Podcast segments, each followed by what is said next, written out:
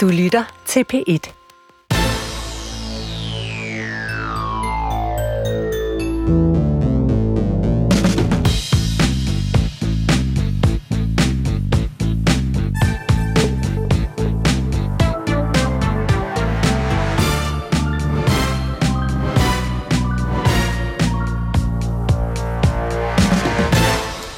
Goddag og velkommen, Morten Messersmith. Tusind tak. Du er her i anledning af en ny bog. Showbiz er titlen med tilføjelsen i hælene på Morten Messersmith. Den er skrevet af journalisten og forfatteren anne Sofie Krav. Siger man egentlig tillykke, når det ikke er dig, der har skrevet den? Ja, det synes jeg måske være lidt øh, at, at rette bager, eller for, bager for smed. Det er jo ikke mig, der har skrevet den. Jeg har bare givet en, en, en, rigt, en helt lang række interviews. Det er simpelthen en øh, portrætbog. Er du glad for bogen? Jeg synes, den, øh, den giver et, et indblik i, hvordan nogle intense år har været. Det er jo ikke alle afsnit, der måske er, som der vil, hvis det var min selvbiografi, så det godt være, at tingene havde set lidt anderledes ud. Men, men, men overordnet, så synes jeg, at, øh, at øh, Krav er kommet rigtig godt omkring det. Lad os øh, lige lægge ud med tre påstande fra bogen. Et, har du fået skræddersyet jakker efter en model i Matador, som der står? Nej, ikke jakker, øh, men øh, nogle, øh, nogle øh, sådan cotton coats, som man har på til indendørsbrug. Jeg tror, det man kalder det for sådan en, en, en slags smokingjakke. Det er rigtigt. Arnesen har i et afsnit, hvor han sidder sådan i et hjørne, man ser ham i profil, øh, sådan en, en afslappet jakke på, som jeg synes var enormt smart. Og det sagde jeg til Dot en gang, tog et billede af det, øh, og så var hun så færdig at få det syet hos Tina Grundvald, der er en anden af syngpigerne. Øhm, er du egentlig hypokonter? Nej, det er jeg ikke. Det påstår det, din gode ven ellers i bogen. Ja, det er muligt, men det, det, det er jeg ikke. Øhm, så, men altså, du fejler men, bare men, rigtig mange ting. Det synes jeg jo ikke selv, jeg gør. Jeg kan ikke genkende det der billede af, at jeg skulle være sådan specielt øh, øh, hypokondrisk. Altså, øh, men altså, det er jo, ja, hvis det er det værste, man kan finde på at sige om, og så skal man være tilfreds. Drikker du en flaske champagne om dagen? Nej, ikke nødvendigvis champagne, men det er ofte øh, andre former for vin, ja. Nu er jeg så lige hvid oktober. Vi har altid... Øh, eller vi har besluttet os for at holde oktober og, og, og februar hvid, som man kalder det. Det vil sige, så drikker vi slet ikke noget. Øh, men ellers øh, er det ikke ualmindeligt, at vi drikker en flaske vin, ja. Der står, du drak 100 flasker champagne under øh, corona. Men det var jo også en lang periode. Det, det kan nok godt gøre det. Jeg, vi er i hvert fald meget lave på champagne i øjeblikket, så går vi skal en tur dernede af.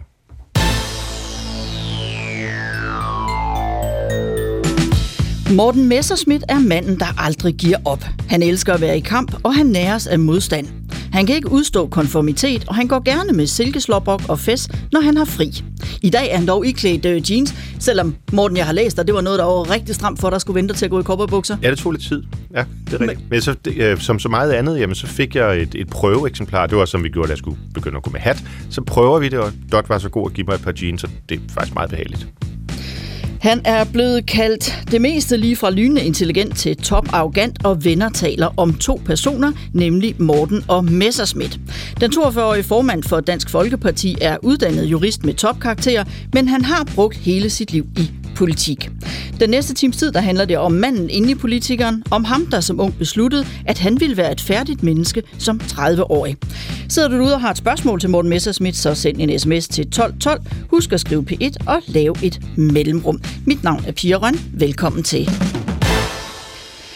Morten Messersmith, øh, vi plejer jo mest at tale politik, når du er her, og mm. vi mhm. skal også øh, lige runde, hvordan du og Pia Kærsgaard planlagde din overtagelse af formandsposten i Dansk Folkeparti. Men ellers, så skal det mest handle om dig mm. som person. Ja, men du er velkommen. Hvordan har du det egentlig med det? Det er okay. Nu øh, har jeg jo også øh, åbnet lidt for, for ballet ved at, at medvirke i, i bogen der, og det er klart, at når man er politiker, uanset hvad man er, når man er i mediernes øh, søgelys, i rampelyset, jamen, så vender man sig jo til at, at også skulle give en del af, af sig selv, Øhm, og jeg tror faktisk også, det er derfra, at titlen kommer, det der med, med showbiz, altså man vender sig til at være på og spille en slags, hvad kan man sige, komprimeret udgave af sig selv, når man så er i det offentlige liv. Anne-Sophie Krav, hun siger også, at grunden til, at hun kalder den showbiz, det er, fordi du selv øh, omtaler politik som showbiz. Mm, ja, og noget, altså dele af, der er jo noget i politik, som er det virkelig kedelige øh, arbejde, eller hvad skal man sige, det vigtige arbejde, hvor man sidder og laver aftaler og reformer og rykker tingene i en, en, en, en god retning, som skal det jo gerne være. Øhm, men rigtig meget handler jo om øh, spillet på mediernes præmisser, og det er i, i vidt omfang et spørgsmål om showbiz. Øh, Anne-Sophie Krav, som har skrevet bogen Showbiz, øh, hun har jo tidligere skrevet en række bøger, blandt andet det første år om Mette Frederiksen, og hun stod også bag bogen og tv-serien Statsministerne. Jeg spurgte hende, hvorfor hun egentlig ville skrive en bog om dig. Men det gjorde jeg jo, fordi jeg synes, han er det vildeste menneske på Christiansborg.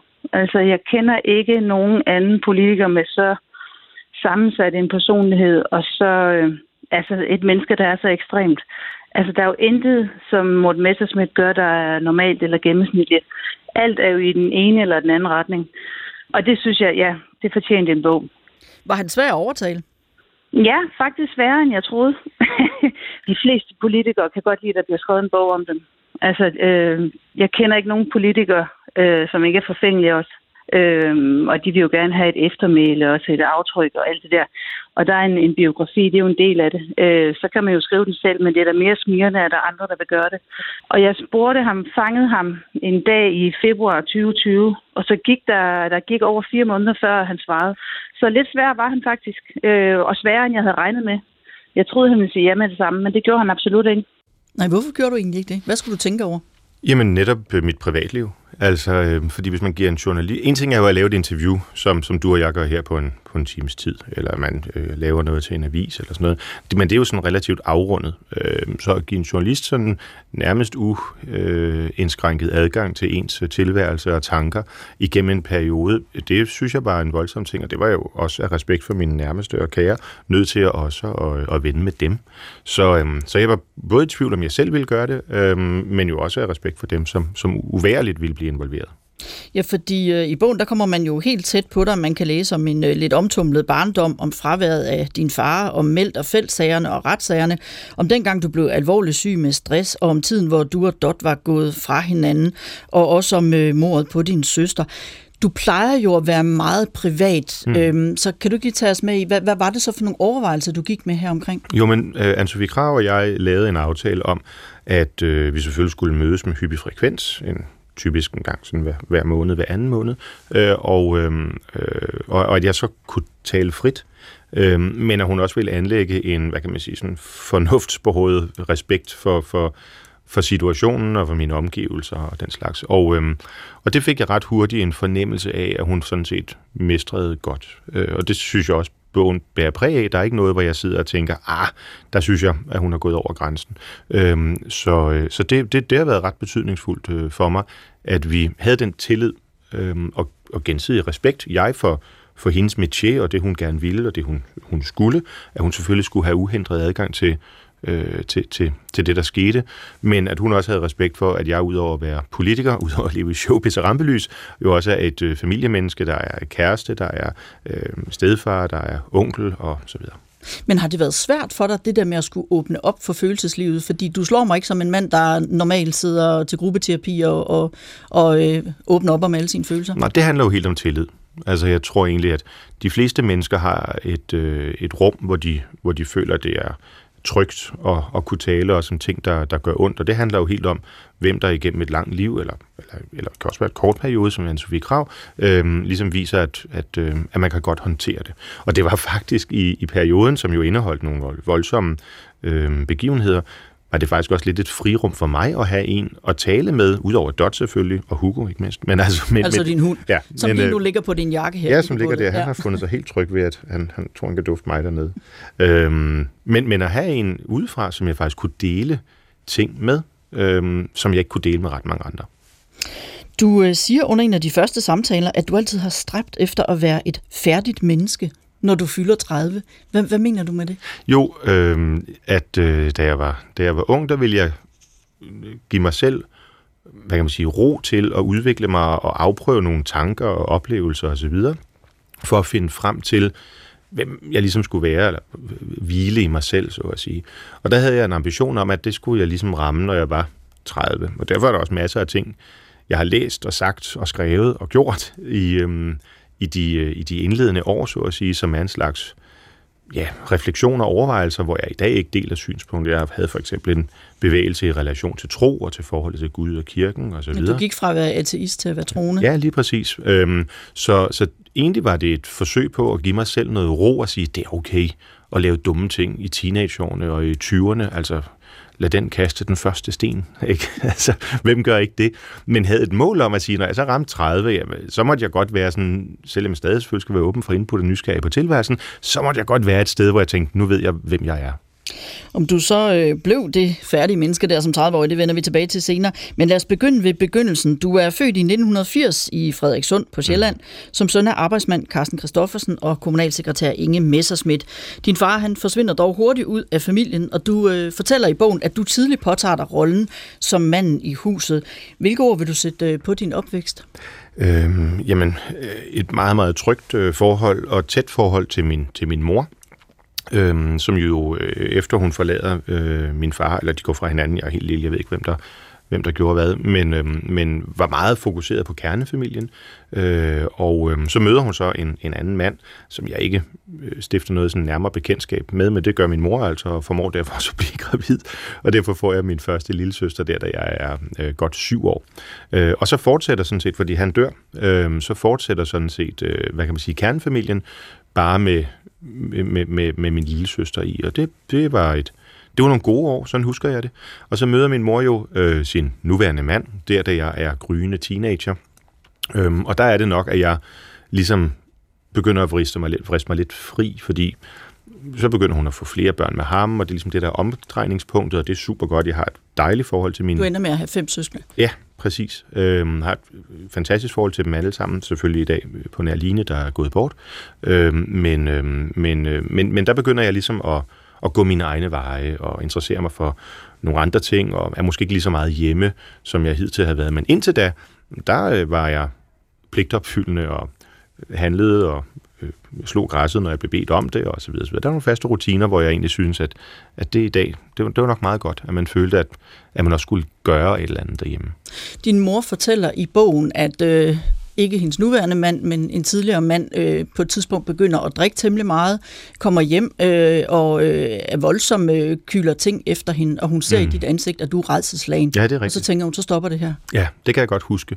Øhm, han var sådan set, han var altid kærlig over for, for os, og han var egentlig altid kærlig, på nær når han var fuld. Øhm, og det var han så med øh, stadig hyppigere. Øhm, og det øh, gjorde selvfølgelig, at, at det blev ubehageligt. Men øhm, han flytter sig for sig selv, og vi får sådan et rent... Han bliver sådan en ven af huset, kan man sige. Også efter, min mor øh, møder sin, øh, sin nuværende mand. Øhm, men det er rigtigt, der var nogle episoder, som, som jeg egentlig ikke tænkte over, da du spurgte. Måske er det sådan den menneskelige egenskab. Min svigermor plejer at sige, at det er aldrig for sent at få en lykkelig barndom. Man har en evne til at fortrænge det dårlige og huske det gode. I 4. klasse, der sker der noget, der kommer til at ændre dit liv, nemlig da du med skolen er i det gamle radiohus for at blive introduceret til klassisk musik.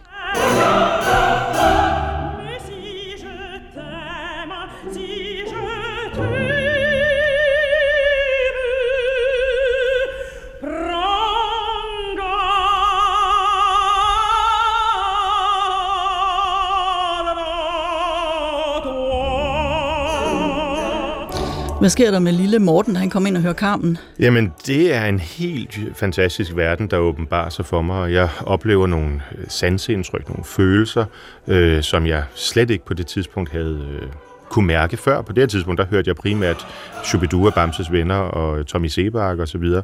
Øhm, og det her, det øh, betog mig øh, enormt meget, øhm, og øhm, ja, blev en livsforandrende begivenhed. Øhm, så, øh, så jeg er meget taknemmelig for, at jeg fik lov at være med der i øh, radiohuset under Leif Sigerstam. Og fra det tidspunkt, der går alle dine penge til at købe øh, klassiske plader? Ja, jeg kan huske det første kassettebånd, jeg købte, det var Leonard Bernsteins indspilning af Mozarts 35. og 41. 20. symfoni.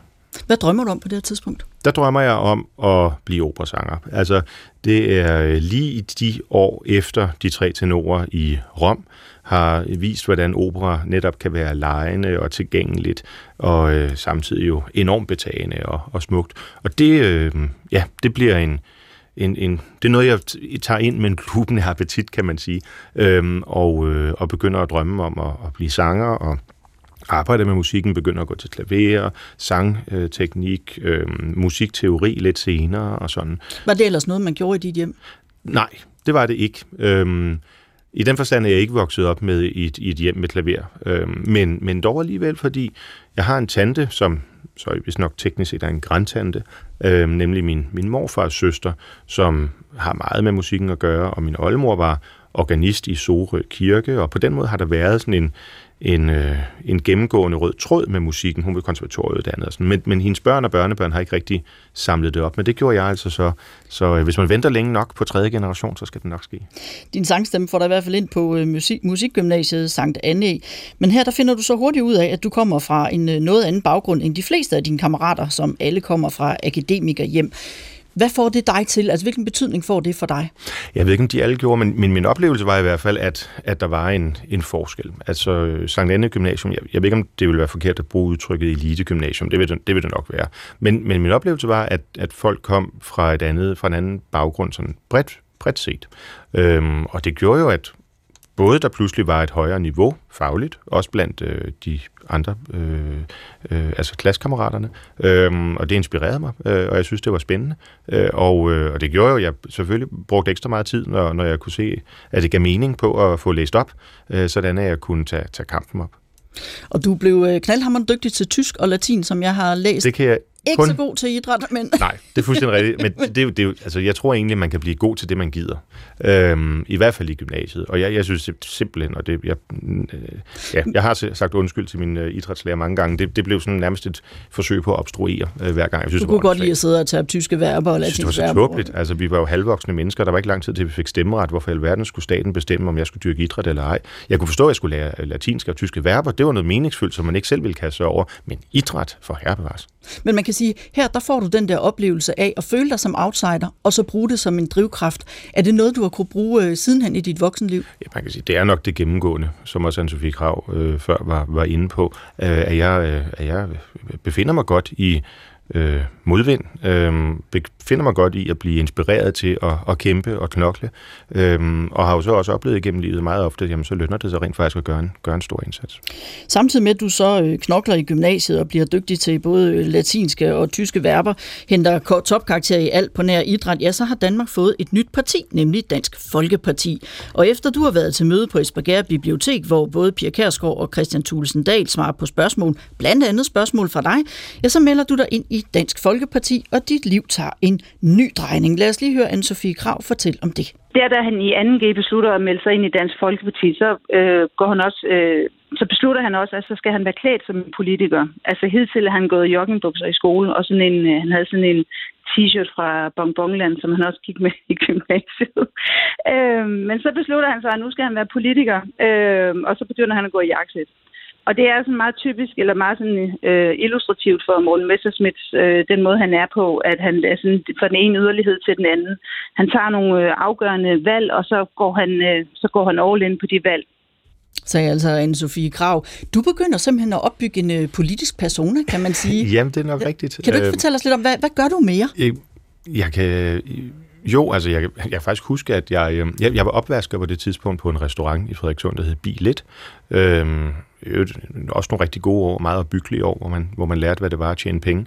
Øh, og jeg tjente sådan cirka 1000 kroner, 1500 kroner øh, om, øh, om måneden.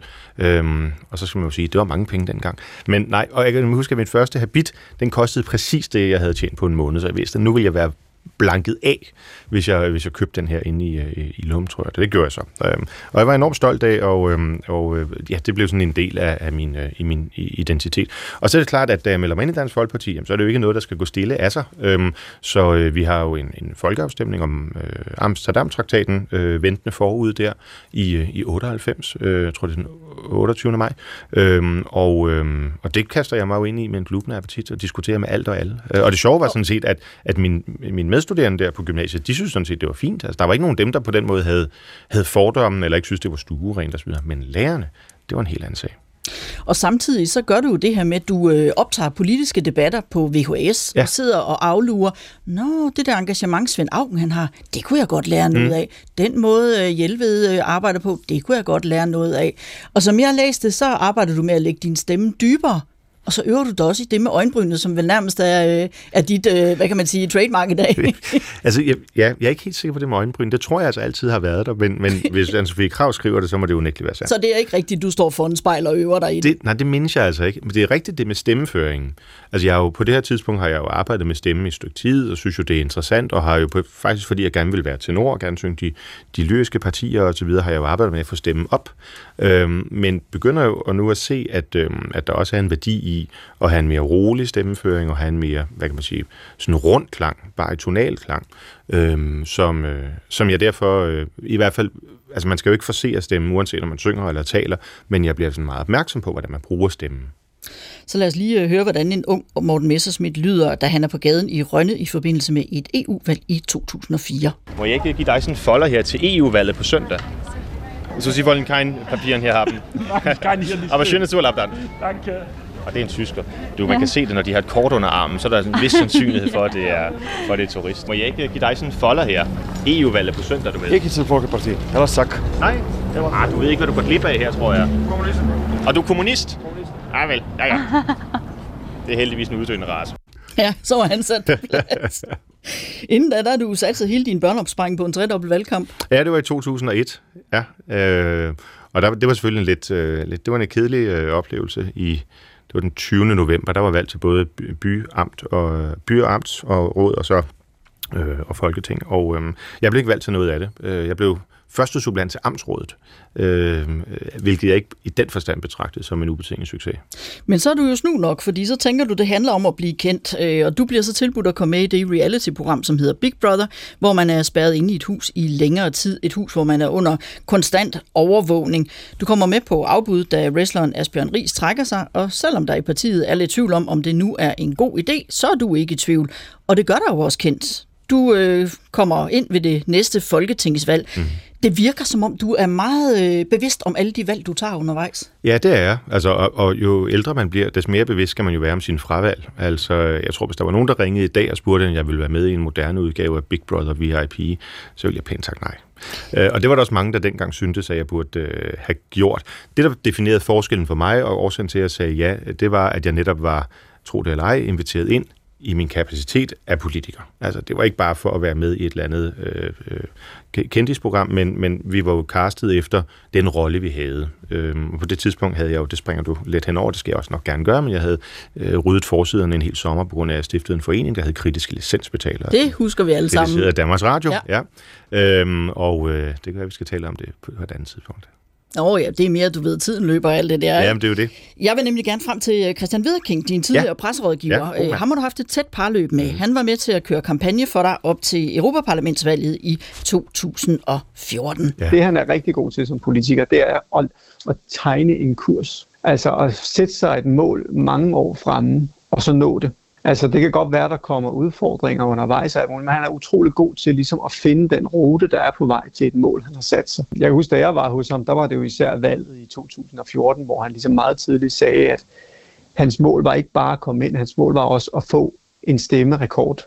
Og der satte han sig målet for ligesom at prøve at se, om man kunne få flere stemmer, end, end Poul Lyrup havde fået tidligere.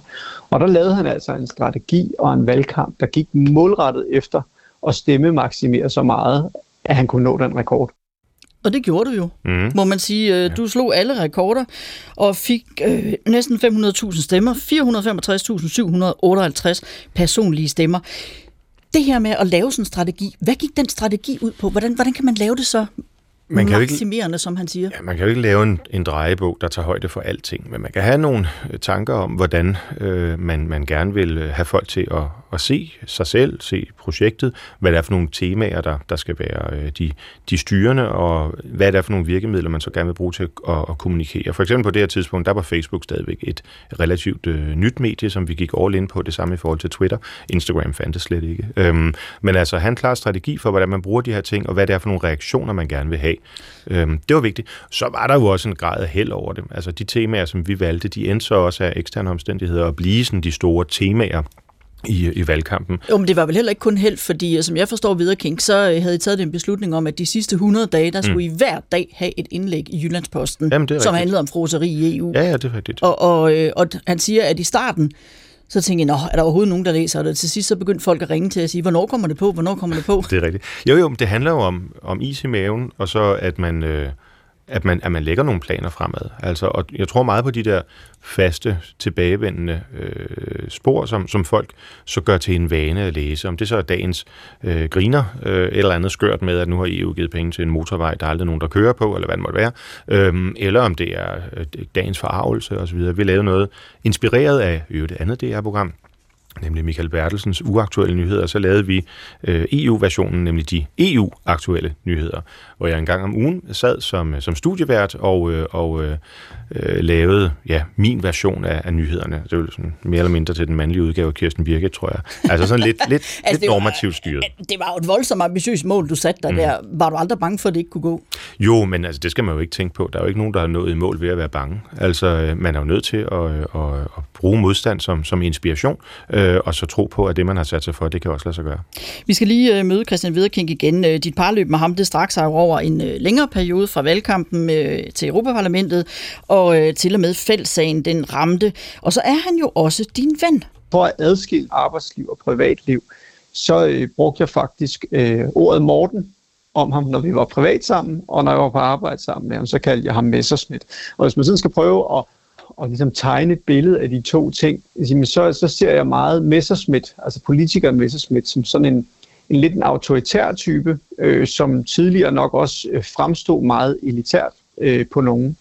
Mens Morten, som jeg kendetegner som en ven, han er lidt mere jordbunden. Øh, han er meget empatisk. Hvis man ligesom er ude sammen med politikeren Messerschmidt, så, øh, så, han, øh, så drikker han rødvin og er meget optaget af, af, øhm, af god mad. Øh, hvis man er sammen med Morten derhjemme, jamen så kan det godt bare stå på, at man griller ude i baghaven og drikker en øl. Jeg tror i virkeligheden, det er blevet, han er blevet mere og mere en blanding af det. Jeg tror der i, de, i den tidlige periode, der var det også sådan lidt en facade, sådan en, en beskyttelse af sig selv, som han satte op, at han ligesom var meget autoritativ, når han ligesom var på. Altså han er blevet meget mere sårbar med, med tiden. Han er også blevet meget mere rundt i den måde, når han snakker om ting. Og han kan også godt give sig lidt i dag. Det kunne han ikke tidligere. Kan du genkende den beskrivelse, at du i starten ligesom er Morten og Messerschmidt? Ja, altså, jeg kan sagtens genkende det, øh, ved jeg ikke, siger. Det er faktisk først, da jeg læste bogen, det gik op for mig, han havde den der meget konsekvente opdeling. Jeg ved, du ved, jeg, men, men når jeg så sidder og tænker over det, så kan jeg sagtens huske, at nogle gange kalder han mig Messersmith, nogle gange kalder han mig Morten. Så, det var, så, så det var da fint øh, at få på plads, at der er en systematik i det. Øhm, Han, han taler også om det her med en facade. Ja, ja.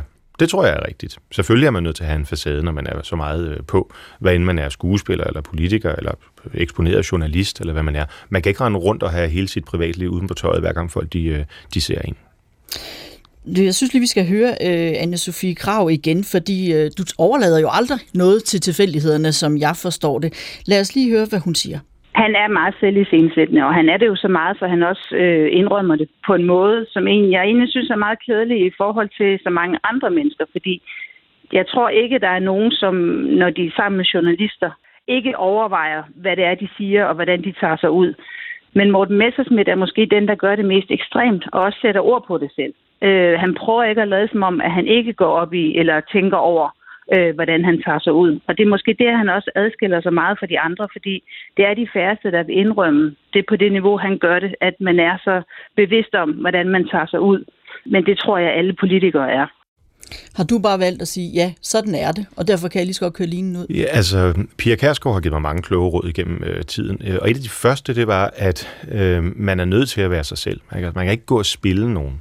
Øhm, og øh, og det, det har jeg sådan set øh, taget til mig. Også fordi jeg i min ungdom havde en tendens til netop det der med at se videoklip og anlægge øh, vaner og, og, og, og former osv., så ikke nødvendigvis var, var mine. Øhm, og derfor synes jeg egentlig bare, at man skal være, samtidig med at man bevarer sig selv og sin integritet, sit inderste jeg, så skal man også være åben omkring, hvad det er, vi, øh, hvad, hvad det er, vi går og laver. Altså, det, et interview som det her, det er jo en samtale, øh, men det er klart, den havde nok forløbet anderledes, hvis vi havde siddet bare dig og mig, piger, på en café og snakket. Over en flaske rødvin, når du ikke har hvid øh, oktober. Ja, ja, ja, er meget frisk. gerne, meget gerne. men men øh, tænker du selv over det her med, er du, er du mere selviscenesættende end så mange andre politikere? Det ved jeg ikke. Ellers er de da bare dårlige politikere. Altså, hvis man ikke tænker på, hvordan man scene, sætter sig selv, øh, og tror, at man kan komme ud med sine budskaber, uden overhovedet at tage hensyn til, at de jo altså også kan virke tiltalende på en eller anden måde, sættes ind i en eller anden ramme, så tror jeg, at man får svært ved sit forhævne.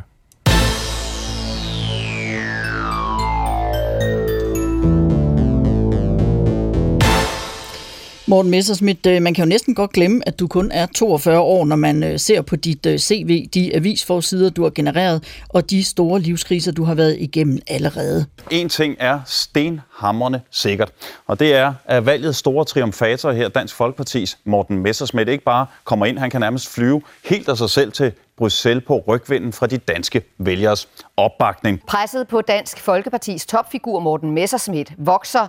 Han sidder i bestyrelsen for en partiorganisation i EU, den såkaldte MELT. Politikeren Morten Messerschmidt er sygemeldt på ubestemt tid, det oplyser Dansk Folkeparti. Morten Messerschmidt er idømt 6 måneders betinget fængsel for svig og dokumentfalsk. Morten Messerschmidt fik 499 stemmer, som er over halvdelen af stemmerne, som Morten Messerschmidt er valgt som ny formand for Dansk Folkeparti. Tillykke, Morten. Morten Messerschmidt blev i dag frifundet for beskyldninger om svindel og dokumentfalsk. Og det var en lettet partileder, der kom ud af retssalen på Frederiksberg. Ja, hvis du skal beskrive de sidste 10 år af dit liv, hvilke ord vil du så bruge? Øhm, spændende, og også nogle gange lidt for spændende.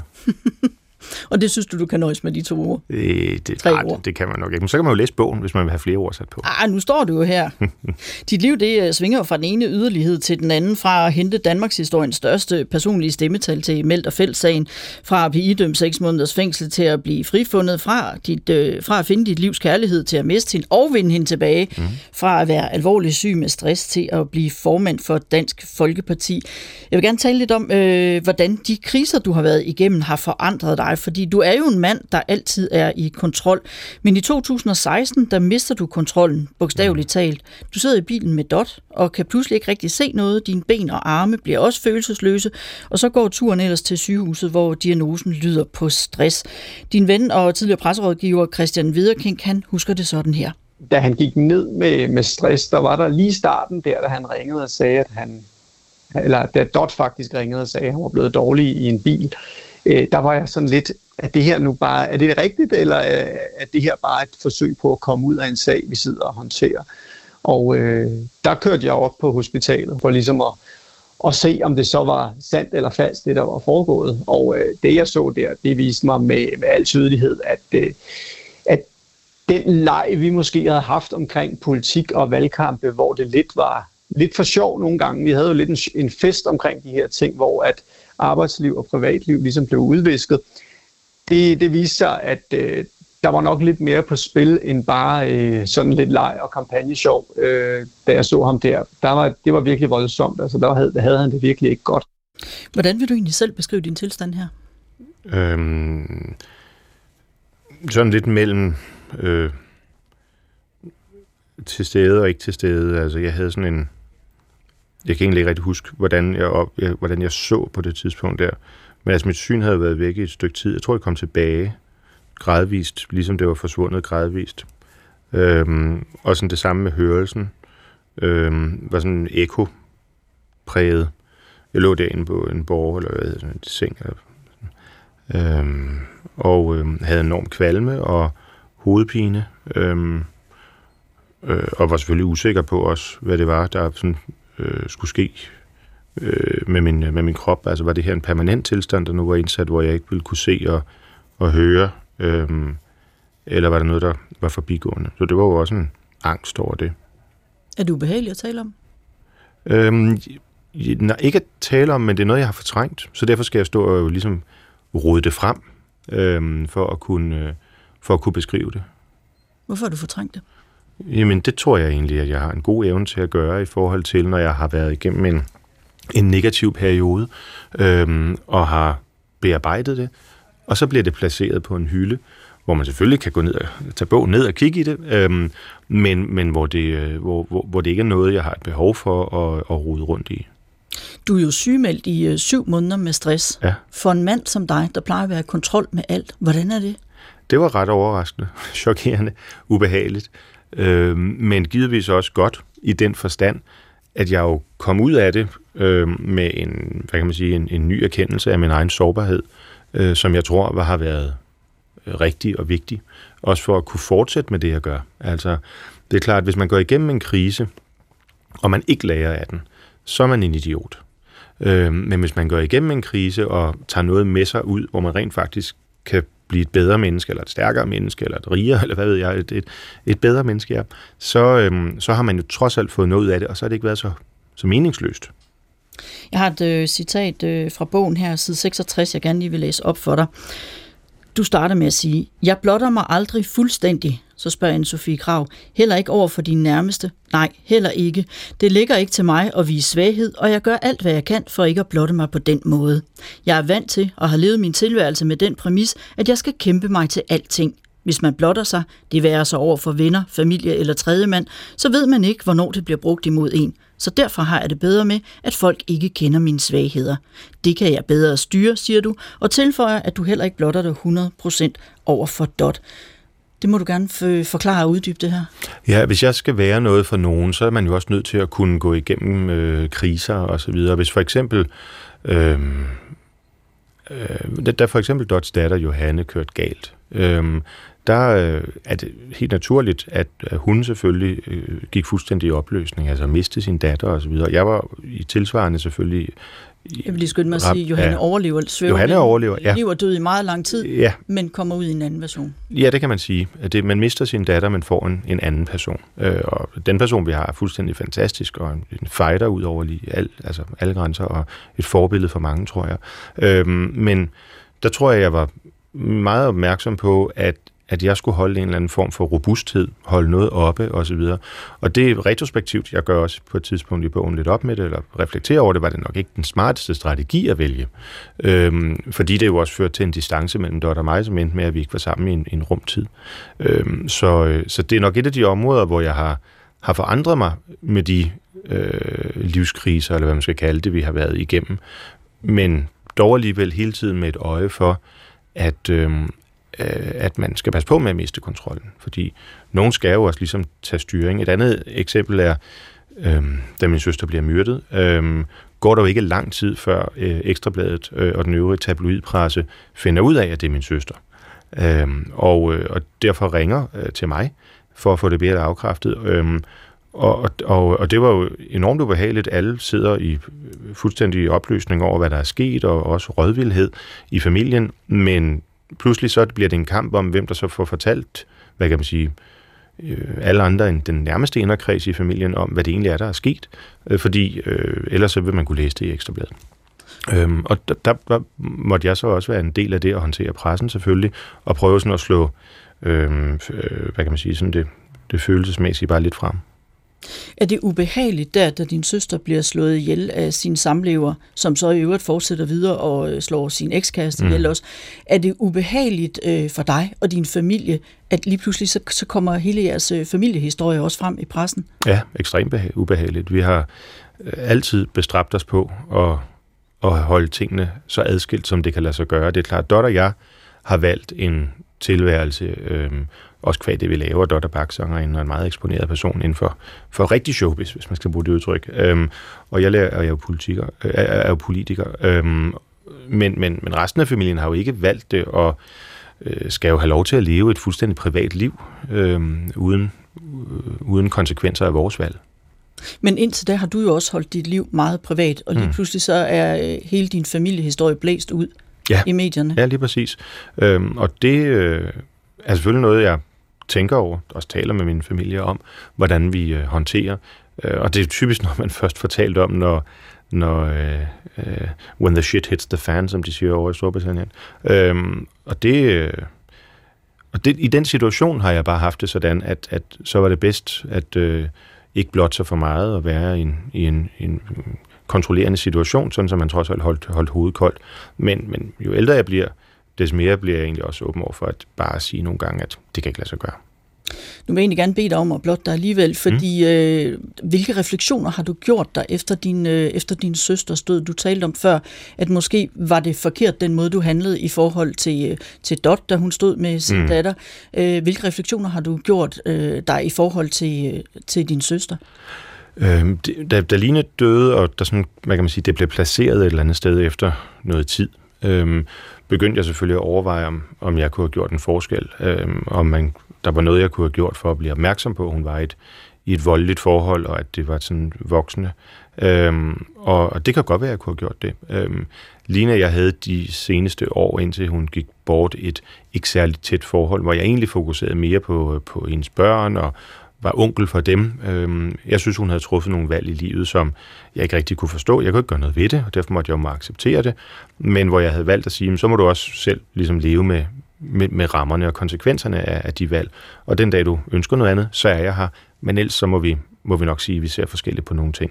Og det er da klart, at efterfølgende, så tænker jeg over, hvis nu ikke jeg havde valgt den vej, kunne jeg så have hørt hende, kunne jeg så have set hende på en anden måde, og måske øh, fået hende ud? Øh, kunne man i familien have håndteret det på en anden måde osv.? Det er jo fordi hun fortæller ikke familien, hvor galt det står til. Nej, der er ingen, der, der ved, øh, hvad det er. Det, det, det bliver jo blotlagt i retssagen mod morderen, øh, hvor der bliver læst op fra hendes øh, telefon. Hun har ført sådan en, en logbog øh, over de øh, overgreb, han har begået imod hende igennem tiden.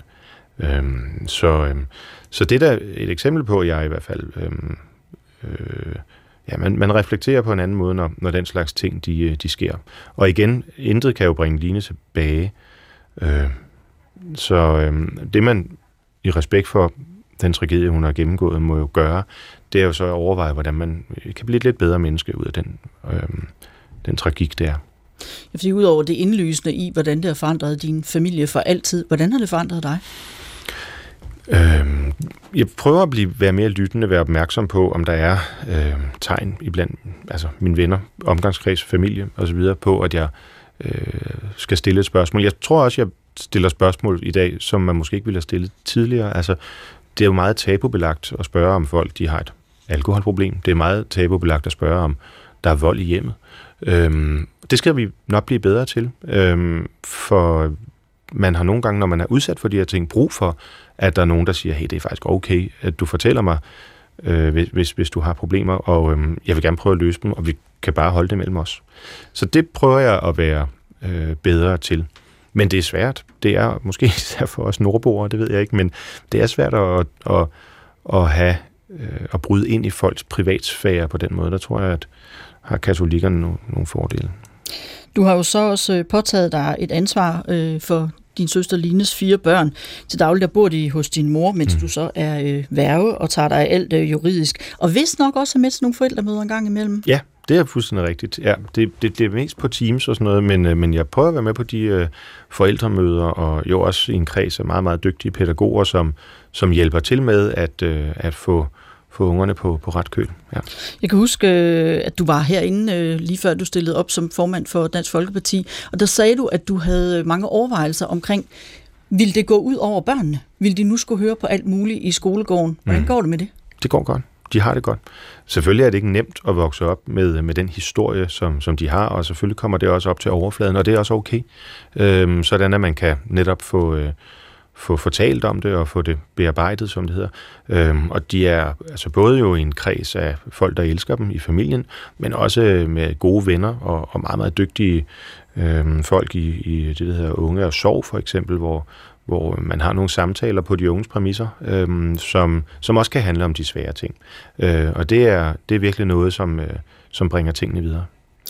Du vil gerne være et færdigt menneske som 30-årig. Nu er du 42, snart 43 faktisk. Mm. Er du færdig, eller er du stadigvæk under konstruktion? Nej, jeg tror stadig, jeg er under konstruktion. Altså, jeg tror heller ikke, man bliver færdig-færdig. Øhm, men, øh, men sådan livets store spørgsmål, øhm, øh, ateist eller, eller gudsfrygtig, øh, øh, liberalist eller konservativ, dansk eller verdensborger, alle de ting, det, øh, det, det, der, der tror jeg, jeg har fået et svar.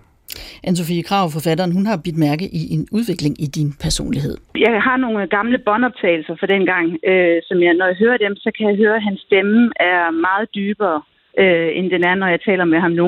Og det er jo sådan en del af den der personlighed, han har, øh, når han er politiker han deler jo sådan lidt sit liv op øh, i, når han, er, når han er fri, og så når han er på som politiker. Og når han er på som politiker, så taler man han med en dybere stemme og med et højere ligestal. Og så er han sådan lidt mere afslappet, uden at over at være fuldstændig vildt afslappet, når han er fri. Jeg kan høre på de båndoptagelser, jeg har for den gang for 2014, at hans stemme er dybere. Så måske er der sådan en gradvis udvikling af, at han er blevet en lille bitte smule mere afslappet. Og jeg tror, at dengang han gik ned med stress, jeg tror, at det var med til, at han på en eller anden måde voksede, altså, og også fandt ud af, at det er altså ikke alt, man kan planlægge. Øh, livet er ekstra forudsigeligt, og det er ikke alt, man kan kontrollere. Og der tror jeg, at, at han var nødt til at overgive sig lidt. Og det tror jeg måske også har betydet, at han på nogle områder slapper en lille smule mere af, end han gjorde tidligere. Har hun ret? Det tror jeg. Altså, jeg tror, at Anne-Sophie Krav, hvis det en dag klipper med, øh, med forfatterskabet, så vil hun blive en glimrende psykolog øh, og menneskebeskriver. Det kan være, hun skal med i det der DR-program, Gæt hvem der bor her, når du ser et køleskab, eller hvad det hedder. Det er den mundrette titel. Ja, ja præcis. øhm, men øh, ja, det tror men, jeg er meget rigtigt. i, at ja. der er ligesom, at du, du har åbnet dig op for, altså et, er du måske blevet mere afslappet, to, har du måske også åbnet dig op for, at øh, det kan godt være, at en gang men lige skal give lidt mere af mig selv, Ja, øh, og- og, og ikke tingene- være så bange for at blotte mig. Ja, tingene hænger jo sammen, ikke? Altså, jeg tror også, øhm, at det handler om, at, at, at, at livet er altså øh, tit noget lort, ikke? Øhm, det tror jeg, det er for os alle sammen. Øhm, og man skal huske at, øh, at nyde pauserne øh, imellem de dårlige ting, øh, og, og få noget ro i det. Og når der så sker et eller andet, det er klart, at, at forhåbentlig øh, er det begrænset, hvor mange mennesker, der får myrdet deres øh, familiemedlemmer, eller oplever trafikuheld og svær hjerneskade og så videre. Men, og, og- det er virkelig noget, der terror, det er klart. Men i dagligdagen, de ting, vi slås med, det går op og ned og sådan nogle ting, der skal man bare nyde de perioder mellem, mellem de dårlige oplevelser, øhm, og så have, have ressourcer til at gå det igennem, når det kommer. Den 23. januar sidste år, der blev du, Morten Messersmith, valgt til formand for Dansk Folkeparti. Du overtog posten fra Christian Thulesen Dahl, der gik af efter valgnederlag, først ved Folketingsvalget i 2019 og siden ved kommunalvalget i 21. Du melder dig sådan set først som officiel kandidat, kandidat efter Christian Thulesen Dahl har trukket sig. Men øh, i bogen Showbiz, der kan man læse, at du allerede i 19 får henvendelser fra baglandet, altså 2019 lige efter Folketingsvalget. Og så kan man også læse, at du og Pia Kærsgaard længe har haft en plan om, at du skal overtage. Jeg faktisk tror, at det er tilbage i 2020, at Pia Kærsgaard hun inviterer sig selv og sin mand Henrik på besøg hos dig og Dot i sommerhuset. Og Pia Kærsgaard hun pointerer, at Dot altså skal være til stede, og så ved du det i alvor. Hvad siger Pia til dig der? Det er, ja, det er jo ikke så lang tid før kommunalvalget, men det gik dårligt i Dansk Folkeparti øh, på det tidspunkt, og der var interne brydninger, og øh, øh, hun siger, at, øh, at, at vi er nødt til at, øh, at finde en vej, og vi talte meget om Meldt-Felt-sagen, og hvad skulle det gøre i forhold til, om jeg kunne være en kandidat. Jeg var meget skeptisk, jeg har aldrig haft nogen ambition om at skulle være formand for Dansk Folkeparti, og med den sag hængende over hovedet, den var sådan nærmest, hele tiden blev den udskudt og udskudt og udskudt. Øhm, men vi har jo en drøftelse af i tiden efter øh, Christian Thulesendal, men også en, en ret stor erkendelse af, at vi kan ikke lave et egentligt formandsopgør. Øh, opgør. altså, vi er nødt til at af respekt for baglandet og, øh, og, øh, og få ham til ligesom at, øh, at forstå selv, at det er tid. Men der går jo altså i nærheden af to år. Prøv lige at forklare os, der, der, øh, der ikke sådan øh, er inde på Christiansborg, har vores daglige gang. Hvad er det for et politisk spil, der går i gang der? Hvor, hvor I ligesom er, er skygge, havde jeg sagt. Øh, Ja. Du skyggeformand. Det er, jamen jeg blev næstformand, øhm, og bestræber mig sådan set på at være næstformand, øhm, og bakke op om øh, linjen, men bliver aldrig rigtig lukket ind i, i rummet, så at sige. Øhm, og derfor så øh, bliver det jo sådan lidt et, et, et parallelt forløb. Og i takt med, at man, tror jeg, ude i baglandet også kan mærke, at øh, stemningen er dårlig, øh, og tingene flyver ikke, organisationen bliver ikke vedligeholdt, altså øh, på de forskellige områder, øh, både inddragelse af baglandet, men også for eksempel vores kommunikation, det, øh, det fungerer ikke, så øh, er der rigtig mange, som spørger, om ikke, om ikke det vil være tid, og at ikke jeg vil, øh, vil stille mig til rådighed. Men, men det er ikke en, altså, det er rigtigt, den der snak med piger var der, men det er ikke noget, jeg træffer en afgørelse om, før det virkelig er. Øhm, fordi Christian, jeg synes, Christian Thulesen Dahl, han har jo ellers øh, beskrevet det som, kan jeg huske, lige øh, i perioden efter han gik af, så sagde han, at han havde oplevelsen af i lang tid at sidde oven på sådan en øh, gryde fyldt med popcorn, hvor han sad på låget og prøvede at holde det nede, fordi det hele tiden var ved at eksplodere. Mm. Han sagde også, at han havde oplevelsen af, at han var træner for et hold, hvor halvdelen ikke gad på banen, og dem, der kom ind, de ville lave selvmål for at få træneren fyret. At, at der er vel også en periode, hvor du og Pia Kærsgaard er mere modspiller end medspiller for ham. Ja, hvis man skal bruge den der sportsanalogi, så kunne det være, at man skulle have brugt noget mere tid ude i omklædningsrummet, øh, og måske talt med holdet, øh, i stedet for bare at sidde på gryden. Men altså, jeg gider egentlig ikke så meget øh, fortid, fordi det kan man jo læse øh, mange steder, øh, men, øh, men bare sige, at, øh, at øh, det har været øh, en, en strapasserende tid, og det er jo altid ekstremt hårdt, når et parti, som jo i vidt omfang består af venner, altså man, man kæmper for det samme, brydes. Der var en af dem, som som jeg har været privat meget tæt på, og som endte på, øh, på den anden side, kan man sige, som skrev til mig efterfølgende, at det var hun sådan set øh, ked af, men når der er borgerkrig, så splittes familier. Og sådan føles det rent faktisk. Du siger jo også øh, selv i bogen, at det mest ubehagelige er at skulle sidde og snakke med Christian og lade som ingenting. Er det egentlig særlig ordentligt, synes du? Det Eller er det for- bare sådan, politik er? Det var ikke, fordi vi ikke prøvede det andet, men, men, øh, men når der ikke rigtig var nogen lydhørhed i forhold til de problemer, som mange derude kunne mærke, der var der, jamen, så, må man jo, så måtte man jo fortsætte af den vej, der var. Du øh, overvejer også selv øh, undervejs, om du egentlig kan klare at være formand, om du er. Mm. Du siger med ordene, en engangshelt. Hvad mener du? Ja, altså jeg havde fået det der valg i 2014, som rigtig mange knyttede deres øh, forhåbninger til, og drømte om, at så kunne vi vende tilbage til fordom, storhed osv. Men, men sagen er jo, at øh, som mange andre ting i livet, så er det jo meget rundet af den tid, der er. Øhm, at øh, at øh, jeg havde vundet det der valg i 14 øh, jo af mange omstændigheder. God planlægning, ja. Øh, det rigtige team, ja. Men jo også en række udefrakommende omstændigheder. Og, og, og der er jo ikke noget sådan, der er jo ikke nogen magisk løsning i, at man så bare tager den samme person ind, og vil forventningerne være enormt høje. Jeg var meget bevidst om, at hvis, hvis man skal have Dansk Folkeparti tilbage, jamen, så vil det kræve øh, en række forandringer af partiet. Øhm, og dem har jeg jo så sat i søen efter, at jeg er blevet formand, og, og det er heldigvis blevet taget rigtig, rigtig godt imod. Så, men selvfølgelig var jeg da i tvivl. Så noget som for eksempel at ændre et logo. Altså prøv at, sige, prøv at spørge TV2 derovre, hvor mange problemer de har haft efter, de har ændret logo. Ja, vi har så valgt at lave en lille kalibrering, men, men dog alligevel en ændring af logoet for første gang i knap øh, 30 år. Øhm, det var jeg bange for, sådan nogle ting, øh, men jeg vidste, det var nødvendigt. Du får lige et øh, spørgsmål til jeres politik her fra en lytter Flemming Møller, som spørger, som mangeårige bag- borgere, der har stemt på DF, er jeg bekymret for, om partiet under Morten Messersmiths ledelse nu bevæger sig væk fra en nationalkonservativ retning med et socialt hjerte for de gamle og førtidspensionisterne til et mere liberalt stadie, ala Liberal Alliance Light. Skal han være bekymret? Nej, det er jo mig, der igennem alle årene, både som næstformand og før, har repræsenteret det nationalkonservative med et blødt hjerte. Øhm, så, så det behøver han overhovedet ikke være bange for. Tværtimod, altså det er jo nu, vi vender tilbage til det, der var det oprindelige udgangspunkt, hvor vi øh, har også kaldt os selv for Blå Bloks bløde hjerte. Og det er jo netop med betoningen af det kulturelle, det historisk øh, og, og kulturelt forankrede, at man er i, i livet netop her, fordi det er her, vi er født osv.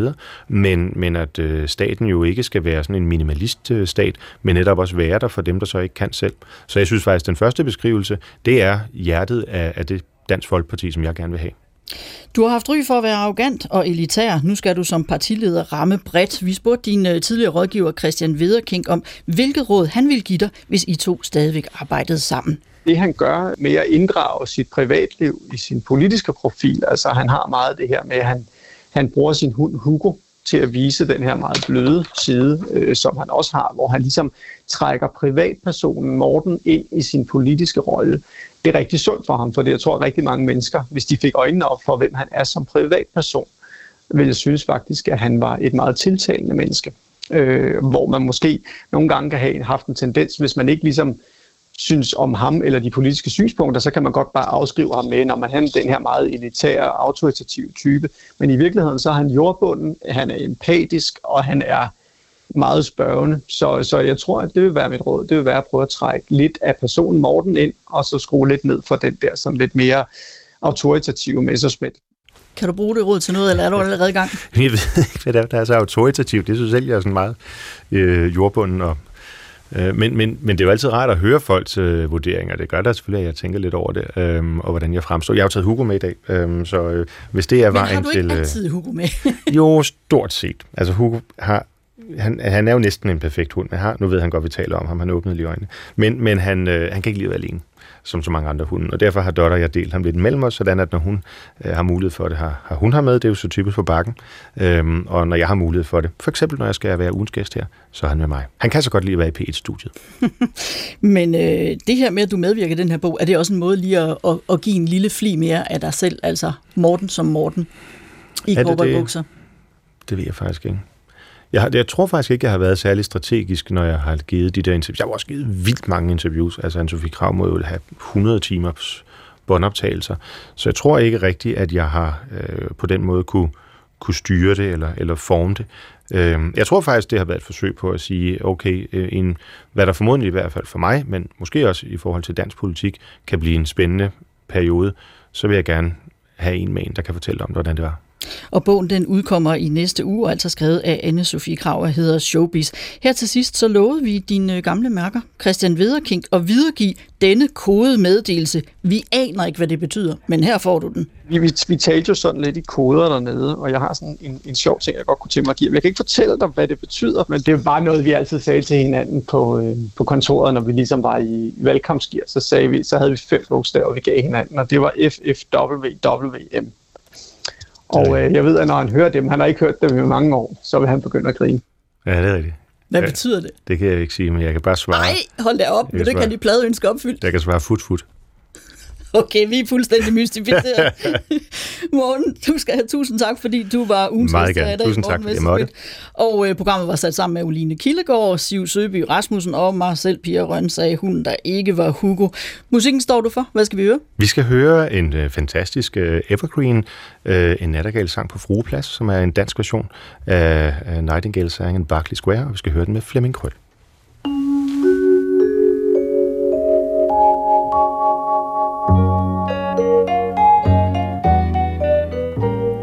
En midnatsstund, da alt var tyst. Efter valnattens larmende jazz Gik vi sammen hjem. Jeg tog din hånd En nattergal sang På frueplads.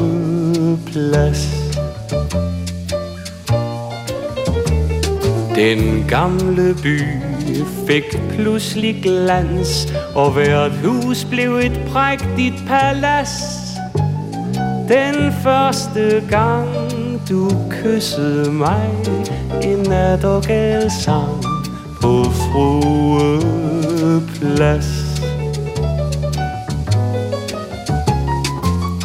Og månen lå og blinkede lunt hernede, som om den vidste besked. Det hele var som i et eventyr, men du var dejlig virkelighed. Der ønskede jeg en trolddomsmagt til at sætte den nat under glas. Til evigt minde om den gang en nattergal sang på frueplads.